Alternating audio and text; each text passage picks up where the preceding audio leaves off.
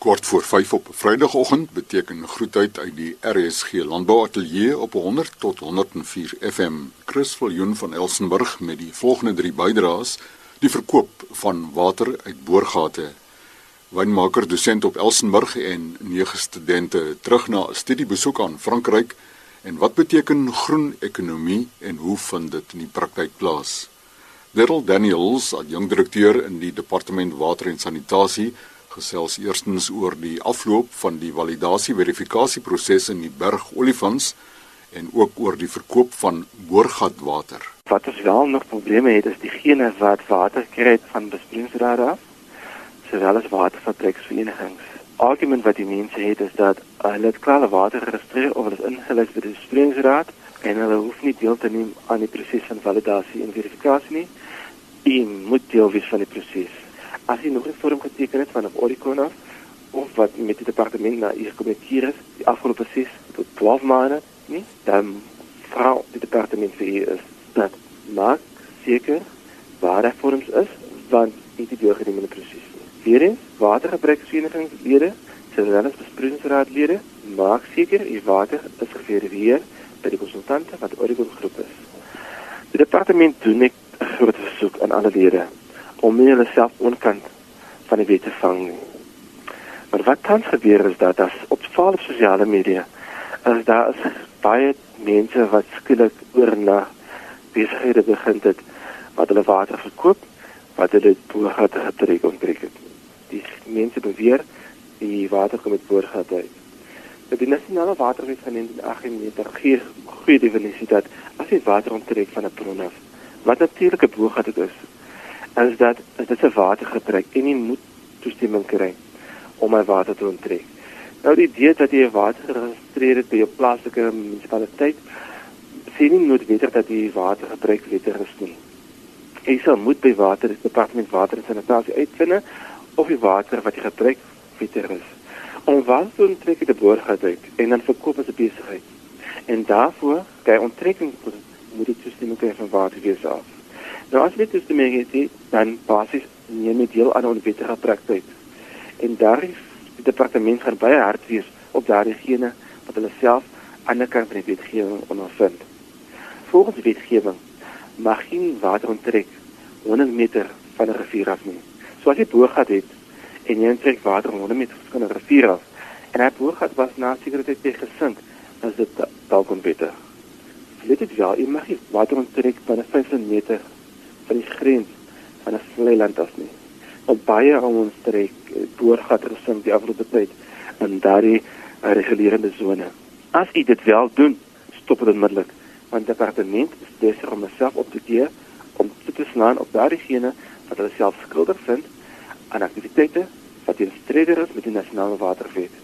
Dis wat die departement se kant af doen ons versoek aan alle watergebruikers ons om die wetgewing tot die min nou toe dat ons verantwoordelik gewees het om die bronne se wetgewing te verhoorsaam. Maar die afgelope tyd wat dit in droogte is met die hewige beperkings van munisipaliteite af, probeer elkeen vir homself maar wel beskerm.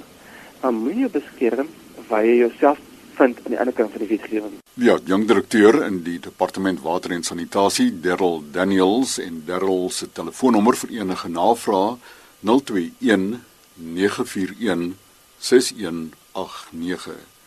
Nege finale jaar studente het teruggekeer na 'n studiebesoek aan Frankryk saam met hulle wynmaker dosent op Elsenburg, Lorraine Geldenhuys. Ons gesels met Lorraine en ook met Albert van Niekerk van die Caledon distrik. Die hele idee met die toer was om vir jong studente op die ouderdom van 21, 22 jaar oud blootstelling te gee aan die verskillende wynstyle wat ons veral kry in Frankryk. Ons almal praat van 'n Bordeaux blend Dit bestaan uit Cabernet, Merlot hoofsaaklik, maar dan kry jy ook 'n round blend en ons praat van 'n Burgundy, Burgundy Pinot Noirs of Bourgogne Pinot Noirs. Maar dit het soveel groter impak op die ouderdom van 'n 21-jarige as hulle self daai daardie streke ervaar het en beleef het en dan kan hulle terugkom na Suid-Afrika en terugploeg wat hulle daar geleer het en met soveel meer sekerheid sê oor ons verstaan die verskil tussen die linker oewer van die van die Bordeaux um, rivier en ook die Merlot gedrewe wyne van die regterbank. Wat het jy geleer? Ehm um, dit is anders as jy eersins kyk na ons leer in die klas van hierdie verskillende streke en dis anders as jy dit uit 'n boek uit leer. As as jy dit uh, gaan ervaar in in die in die werklikheid. So vir my om om alles te kon sien dit wat ons voor dit geleer het in die klas en dan so toe te gaan en die wyne te proe en die streke te sien en die gronde te sien byvoorbeeld wat alles 'n invloed het op die tipe wyne wat hulle maak. Ehm um, dit is dit is 'n ervaring wat mense jy kan nie geld betaal om so iets te te kan ervaar en te sien nie. So om wat ek geleer het uit dit uit is uit en uit soos die verskillende streke en hoe dit 'n effek het op die verskillende wyne wat geproduseer word in daardie streke en hoe grond en klimaat en alles in so so 'n klein area of relatiewe klein area soos Frankryk byvoorbeeld um, hoe elke streek verskriklik verskil en die alles net 'n groot effek het op die wyn wat gemaak is. Wat ook wonderlik was is dat die feit dat ons was in Parstyd daar Ons het hulle besoek wanneer hulle hulle druiwe oes. So dit was baie maklik en dit is nou nadat ons ons eie pars voltooi het in die periode van Januarie, Februarie, Maart, April in Suid-Afrika, het ons nou die geleentheid gehad om dit te sien by hulle in September. En een van die dinge wat my baie opgeval het, is die feit dat hulle kelders is baie stil in parstyd. In Suid-Afrika hardloop ons oor pipe en pompe en ons werk verskriklik hard en ons begin vroeg in die oggend en ons maak laat in die aand klaar. By een van die besoeke om dit so duidelik te maak om 'n voorbeeld te stel, um, die Franse is mal oor middagete en middagete by hulle is gewoonlik 'n lang proses. So by een kelder was ons om 12 uur daar en daar was een ou in hierdie baie bekende kelder in die suide van Frankryk in die Rhônevallei, Château de Beaucastel. En die een oom wat daar gewerk het in die kelder, hy was besig om 'n pump over te doen op vir rooiwyn ekstraksie. Hy het ons half uit die kelder uit gejaag om te sê: "Gaan nou uit asseblief. Ek hoop julle het gesien wat julle wil want ons het nou middagete van 12:00 tot 2:00." Ek meen dis absoluut ongehoord by ons in Suid-Afrika. En ek dink Albert, miskien stem jy met my saam. Een van die dinge wat ek huis toe gebring het saam met die studente en ervaring is dat wyn in Frankryk word in die wingerd gemaak en nie soveel in die kelder nie. Hulle manipuleer niks in die kelder nie. Hulle doen al hulle harde werk in die wingerd. Maak hulle eenvoudig die wyn in die kelder. Dis dit dat hulle op middagete gaan met 'n lang baguette en 'n groot glas wyn van 12 tot 2. Die ligte word afgesit, die deure word gesluit en die kelder staan leeg. Maar by ons dink ek dit is nie regtig noodwendig tyd vir lunch vat om te drink. Ja. So. En een ding wat ons ook opgelet het is hoe vriendelik en tegemoetkomend die wynmaker self is tydens parstyd om ons te akkommodeer. Jy weet baie keer in Suid-Afrika, ons is nou wel in die wynindustrie, so ons kan nou vir die luisteraars sê of of miskien 'n prentjie skets van hoe dit werk. Dit is redelik chaoties in 'n wynmaker se lewe tussen Januarie en April. So jy het nie nog tyd hierdie dag om mense, jy weet, welkom te laat voel en die tyd te neem om hulle deur die kelder te vat nie, maar daar het die wynmaker self 2-3 ure op sy gesit om ons te wys en om ons te verduidelik oor Frankryk en die wyne wat hulle maak jy weet om hulle daai visie te gee dat daar 'n wêreld daar buite. En Suid-Afrika is maar net 'n druppel in die emmer in terme van die wynproduksie van die wêreld. Die wynmaakkultuur in Frankryk is absoluut 'n leefstyl, nê. Nee. Ja. Dit is hulle hulle die, die oom en die tannie bewerk die grond saam met hulle kinders in die streek van Burgundy en in die Rhônevallei. Bordeaux is nou 'n bietjie anders, is baie meer kommersieel en gedrewe uh deur verskillende markte van die wêreld, maar absolute kultuur. Hulle leef uh, die produk wat hulle maak. Ja, en die hele familie en die hele gesin is daarbey betrokke. Lorraine vanoggend mag daar studente, voornemende studente wees wat graag eendag ook 'n draai wil maak op Elsenburg, spesifiek dan nou in die keller. Kan hulle persoonlik met jou kontak maak? Ja, enige tyd. My e-posadres is lorraine@elsenburg.com. Lorraine spel jy L O R R A I N E en dan G vir Geldenhuys. My selfoonnommer is 084 580 5574. Lorraine Geldenhuys en Albert van die Kerk. Albert is finale jaar op Elsenburg en Lorraine is wynmaker dosent by die fakulteit Wingerd en Wynkunde op Elsenburg. Haar kontakbesonderhede vir toekomstige voornemende studente Lorraine L O R R A I N E G Lorraine G by elsenburg.com telefoonnommer 084 580 5574 En nou na Springbok in Namakwaland by die kantoor van Conservation SA kortweg CSA verneem ons by groen ekonomiese beampte Rochey Daniels wat die werkveld behels. As ons praat van die groen ekonomie, dan verwys ons spesifiek na boere wat daarna kyk om besigheid te doen wat die omgewing bevorder. So ons kyk hoe kan ons nog steeds die omgewing bewaar?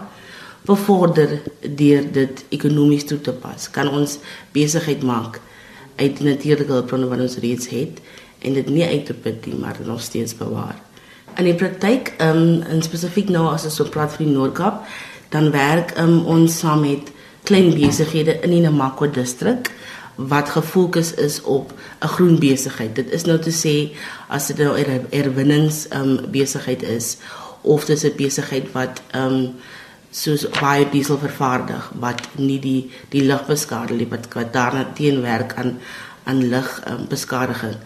En dan werk ons ook saam met in die boere in in die Steenkof gemeenskappe en ook daar in die Kamiesberg gemeenskappe daar by Leliefontein, Karkons nou rivier, Spoegrivier, daarom ons werk met hulle om hulle se kapasiteit te bou om hulle se boerdery te sien as 'n besigheid en om hulle se boerdery te, te bedryf soos 'n besigheid sodat hulle die die natuurlike belangrike daarvan verstaan maar ook om te verstaan dat die boerdery moet vorentoe gedryf word as 'n besigheid Ons vra eerstens of hulle se boerdery sien as 'n besigheid.